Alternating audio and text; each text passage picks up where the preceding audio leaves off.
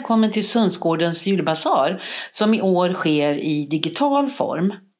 Årets insamlade medel går oavkortat till kvinnojouren i Helsingborg och deras viktiga arbete. Lyssna nu och njut av en betraktelse från dagens julpoddsvärld och så swishar du valfritt belopp eller sätter in på Sundsgårdens bankgirokonto för att stötta kvinnojourens verksamhet. Tack för ditt bidrag, litet som stort.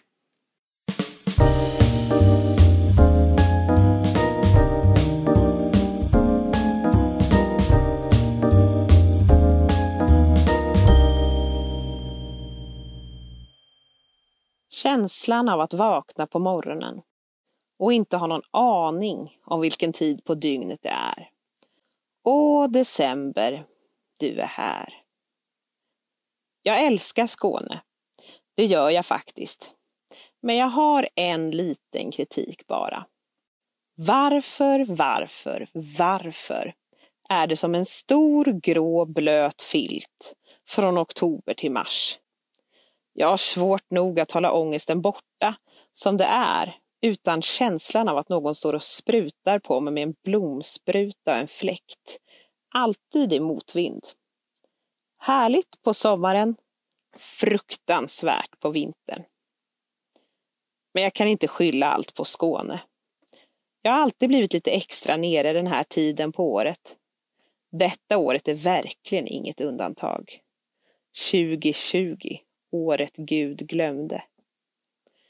Men redan som tonåring tyckte jag att det verkade som en god idé att liksom björnar och mumintroll gå i ide på vintern för att vakna upp när våren är i antågande.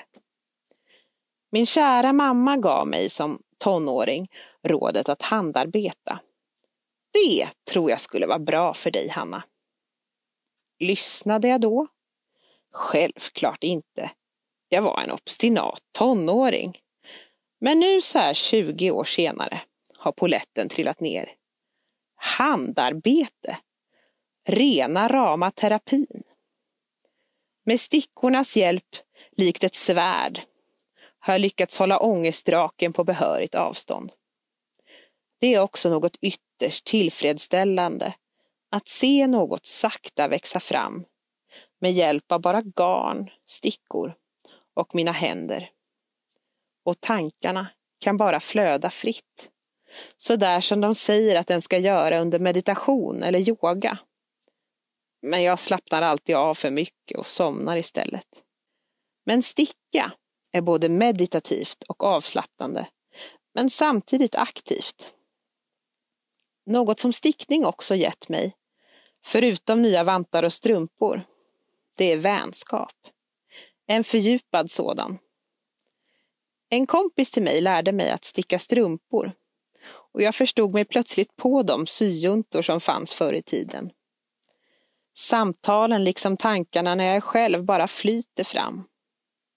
Ibland glider de på ytan och ibland dyker vi på djupet.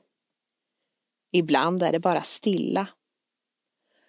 Munnarna är tysta, men stickorna pratar med varandra.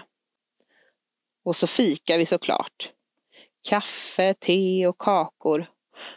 Och emellanåt slinker ett och annat glas rödvin ner.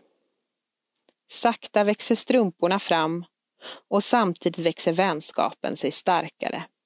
Och stoltheten. Den nästan barnsliga stoltheten över att ta på sig något jag själv stickat. Och någon säger Vilka fina vantar!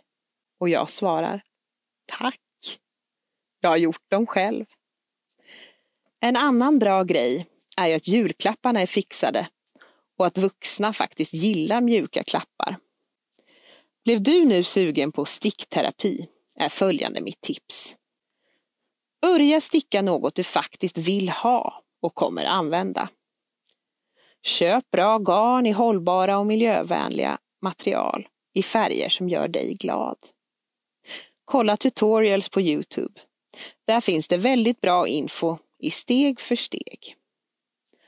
Och när stickningen inte funkar och mörkret äter sig inåt brukar jag tänka på några rader ur en dikt av Erik Blomberg. Var inte rädd för mörkret.